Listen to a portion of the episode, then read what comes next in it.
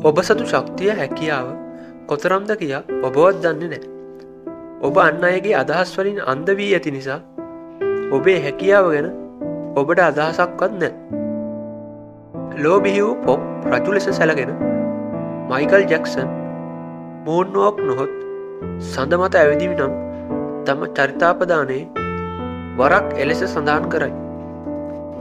ඔහු මියගොස් වසර දශකයක් ඉක්මෝන මේ මොහොතේ පවා ඔහු තවමත් ලොව සංගීත රසාස්වාදයේ සිවුම් තැන්හි ජීවමාන අන්දමින් පෙනී සිටි.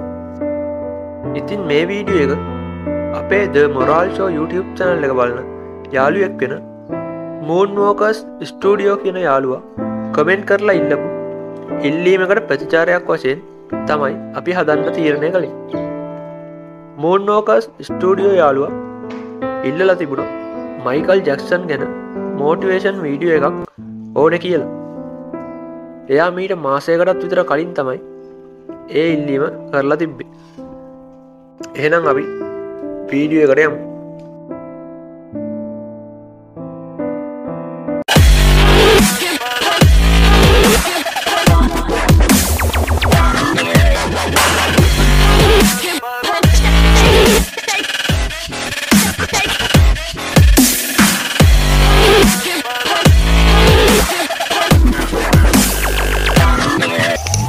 එද්දාස් නමසය පනස්සටේ අගෝස්තු විසිනවන දින ඉන්දියානාහි උපත ලැබූ කුඩා මයිකල් ජැක්සන් දරුවන් දහ දෙනෙකුගෙන් යුත් පවුලේ අටවන දරුවා විය.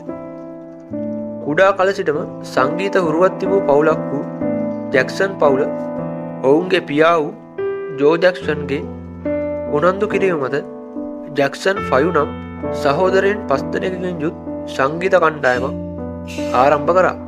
එහි ලාබාලම සාමාජිකයා මයිකල් වූ අතර ඔහුගේ සංගීත දිවියේ ආරම්භක පදනමයයි හැත්තෑව දශකයේ අගභාගයතෙක් ඔවුන් ජනප්‍රියතාවේ ඉහලටම ගමන් කළ. උඩා කල සිට තිවුණු හඩක් තිබූ මයිකල් ජැක්සන් යෝන්ය පසු කරන විට සංගීත කණ්ඩායමෙන් මිදි තනි ගායකයෙක් ලෙස ශේෂත්‍රයට පාතැබුව ඔහුව ලොවක් හඳුනා ගත්තේ එද්දාස් නමසි අසූ දෙකේදි ගායනා කළ බිලී ජීන් ගීතයත් සමඟයි.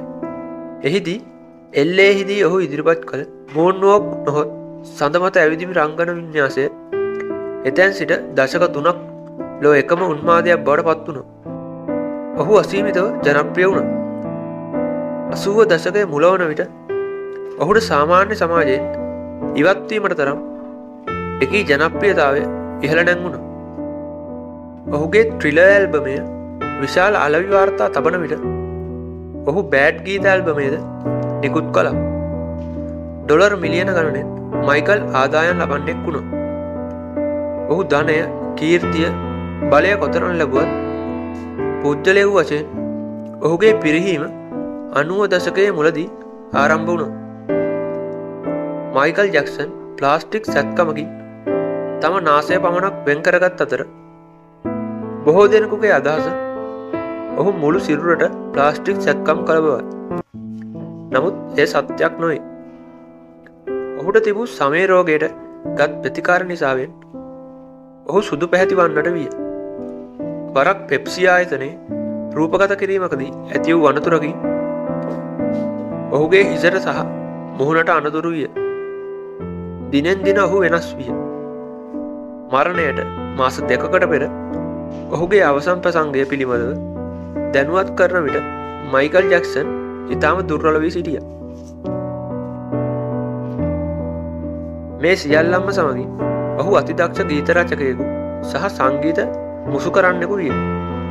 රූප රචනා කලාවේ වෙනස්ම මගක් එලි කළ කලාකරුවා ඔහුයි. වරක් ඔහු ප්‍රකට චිත්‍රපට අධ්‍යක්ෂක ඉස්කෝ කේසිහා එක්ව බෑඩ් ගීතයට කෙටි චිත්‍රපටයන් නිර්මාණය කළා. දශක තුනක් පුරාවට ඔහු සංගීත උන්මාදයක් බඳු සන්නාමයක් වුණ. ඔහුගේ මරණයෙන් පසුව සීෙන්ෙන් නාලිකාව නිකුත් කළ නිවේදනය වූයේ නෝවන් ලයි කිම් යන්නයි.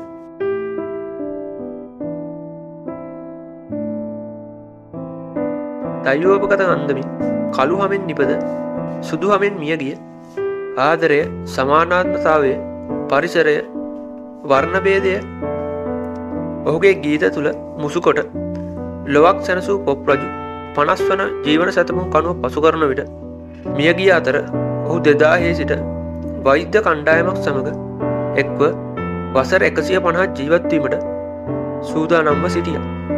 නමුත් සතවර්ෂය ආදරවන්තයාගේ හදවත දෙදස් නමේ ජුනි විසි පස් වන දින දහවල් දෙකයි විසිහයට අතර වුණ. ඒ සනිටුවන් වූයේ පොප් කලාවේ එක් පරිච්චේ දෙක නිමාවක් වශයෙන්. එහෙනම් මේ වගේම සිංහල මෝටිවේශනල් වීඩියෝ එකකින් ආයෙත් හමු වෙනකම් අදට සමුගන්න මොරාල්ෂෝ YouTube චැනල් එක තාමත් සස්කයිප් කරලා නැත්තම් පල්ලෙහා තියෙන රතුපාට සස්ක්‍රයිබ් බටන් එක ඔබලා දැන්ම සස්ක්‍රයිබ් කරගන්න. අපේ Facebook page එකට ලයික් එකක් දාන්න. Instagram අපි follow කරන්න TikTok අපි follow කරන්න. අපේ Telegram group chat එකත් එක්ක හදම එකතු වෙන්න.